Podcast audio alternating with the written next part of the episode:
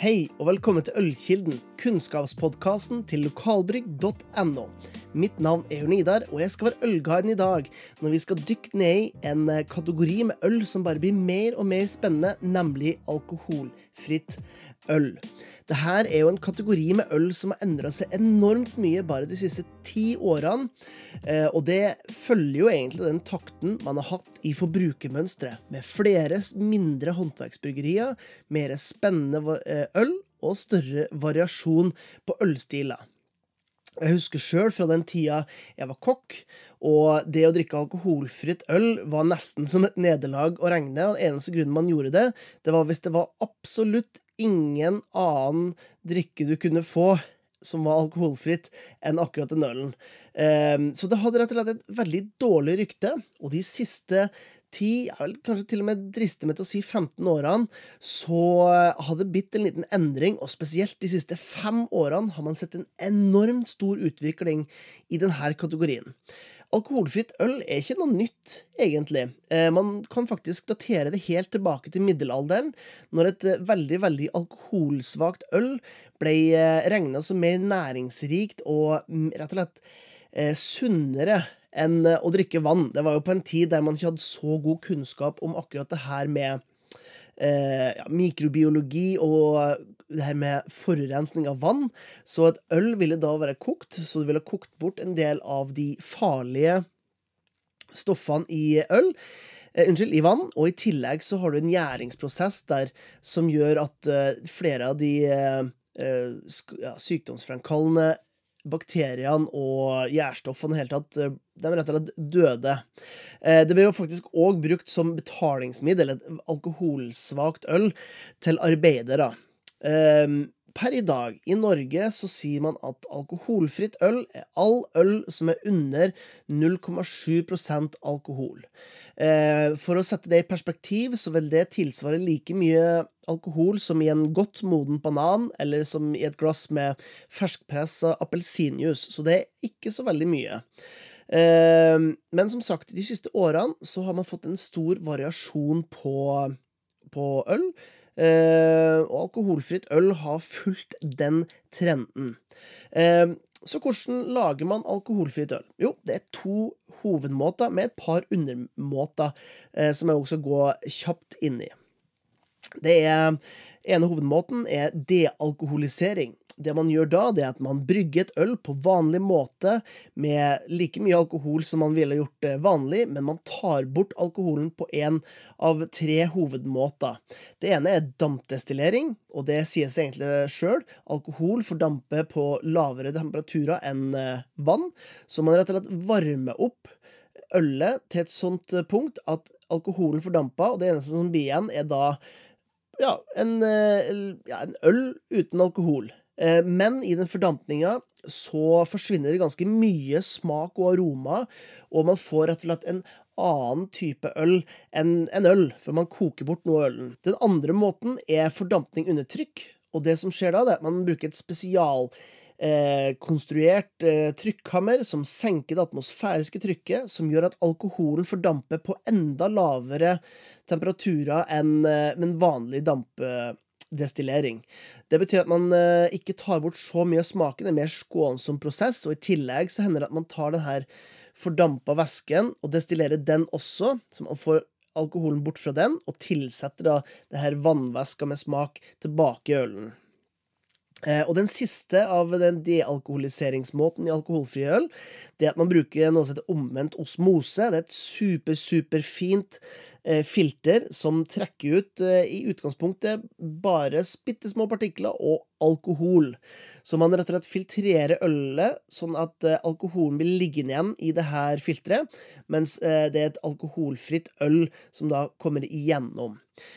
Alle de måtene her de koster veldig, veldig mye penger, og det er derfor måter som er hovedsakelig um, ja, privilegerte bryggerier med mye økonomi som har råd til å, å bruke de her metodene. Så håndverksbryggerier i Norge bruker ikke de her metodene. De er rett og slett for dyre for dem.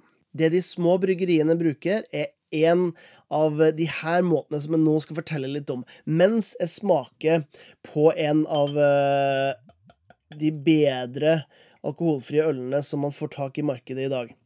Eh, vi snakker om dealkoholisering. Det er hovedsakelig de store. Mens en uferdig fermentering, det er noe de små kan gjøre.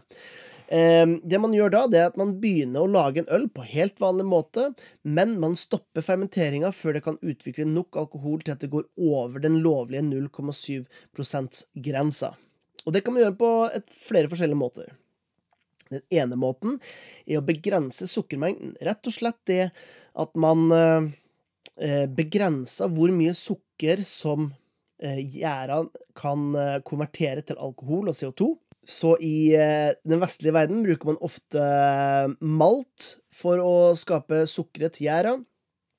Og en måte å ja, omgå det her med sukkermengden, er jo rett og slett at man uh, bruker andre sukkerarter i form av ris, mais og lignende. Sånn at maltose, altså maltsukker, er ikke til stede på en sånn uh, mengde at gjæra kan konvertere det til uh, for mye alkohol. En annen måte, og det er den vanlige måten for mindre byggerier per dag, det er faktisk akkurat det er skal smake på nå. For de av dere som ser det her på YouTube og ikke hører det her, så har jeg et eh, ja, et lys eh, gyllenbrunt øl i glasset med et fint lite skum. Eh, og da, det her er produsert på en måte der man avbryter gjæringa. Altså man setter i gang gjæringa på en helt vanlig måte, men så bruker man enten varme, kulde eller syre for å stoppe gjæringsprosessen. Og det er det gjort i den prosessen her. Um, det gjør man enten ved at man uh, ja, rett og slett kjøler eller varmer opp Eh, uh, flaskene eller ølet til en sånn temperatur at gjæren dør, eller man kan òg justere syren på naturlig måte, sånn at man får en mulighet for å, å, stoppe det før at det blir alkohol i det. Resultatet da er at man har en påbegynt gjæringsprosess, men uten fare for en videreutvikling, da. Um, og det her er noe som de mindre bryggeriene har muligheten til å, å benytte seg av. Uh, og det jeg har nå, er en pale ale i mitt glass, en alkoholfri pale ale. Uh, når jeg stikker nesa i det her, så lukter det deilig, frisk humle. Det er masse gress, det er sitrus, og så er det litt sånn sødme fra noe malt baki der også. Nesten som en sånn moden eh, eh, Nesten som en slags moden sitrus-type eh, grapefrukt i den her. Slettes ikke å forakte. Tar en liten smak.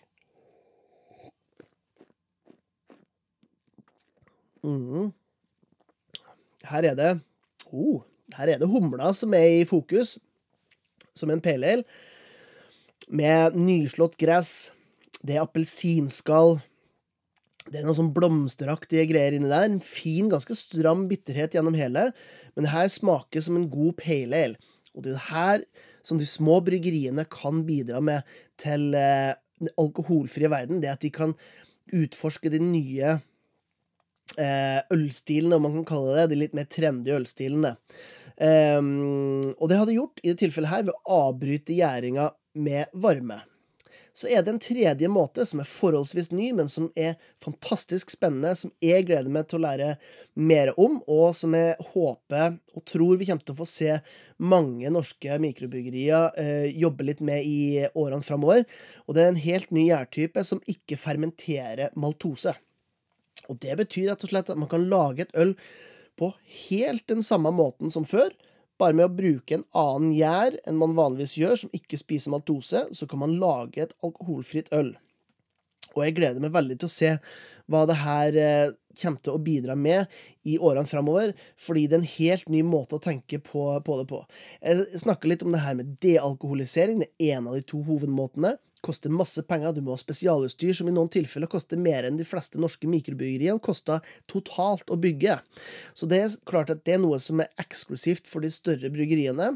Og så har vi de to andre måtene, avbrutt gjæring og en begrenset sukkermengde, men det er også metoder som gjør at ja, det, man må ha um, veldig veldig god kontroll, mens en gjærtype kan man kontrollere mye enklere. Og hvis man har en slags garanti for at her blir det ikke utvikling av alkohol, så tror jeg vi kommer til å se noen veldig veldig spennende alkoholfrie øl i årene som kommer fremover. Og det er jo akkurat det som har skjedd de siste ti årene, det at man har fått en stadig utvikling med nye ølstiler på markedet, og da har det òg kommet et publikum og et marked som er mye mer villig og interessert i å få tak i alkoholfri øl med mer smak. Mye av det dårlige ryktet som jeg husker fra den tida da jeg jobba i restaurantbransjen, kommer av at man tok forholdsvis smaksnøytrale, friske og leskende øl, som pilsner og fatøl, som egentlig ikke smaker så veldig mye. Og så tok man bort alkoholen, og sammen med det litt av smaken på det. Og da satt man igjen med et eh, produkt som eh, i hermetegn, store hermetegn, var mindre verdt. Og hadde mindre ølsmak i seg. Og dermed så endte man opp med en litt sånn stigma mot alkoholfri øl. Helt ufortjent. Men sånn har det hengt igjen. Eh, og det som skjer nå, er jo det at flere og flere begynner å få opp øynene for at det fins ordentlig alkoholfri øl som smaker godt, og det er gode øl, og så bare er de tilfeldigvis alkoholfrie. Og det håper jeg at dere som hører på, dere som ser på det her eh, på YouTube, tar altså utforsker litt mer, fordi at det er masse fordeler med alkoholfrie øl, og et alkoholfritt øl smaker godt, sånn som det er i dag. Eh, og som sagt, det kommer rett og slett eh, til å bevises at det ufortjente ryktet om at alkoholfritt øl ikke er fullverdig øl, kommer til å motbevises kraftig eh, i årene framover. Om det ikke allerede har blitt eh, Ja, hva skal man si, da? Blitt motbevist. Så der har du det. For å oppsummere, alkoholfritt øl kan variere fra alt fra en alkoholfri pils til en alkoholfri stout, og alt midt imellom. Du får tak i hveteøl, IPA, pale ales og alt mulig. Så eh, alkoholfritt øl er mye mer enn nå enn det var for ti år siden. Det er hovedsakelig to måter man fjerner alkoholen på eh, eller lage et alkoholfritt øl på. Det ene er at man fjerner det med dealkoholisering, med fordampning eller å filtrere det ut.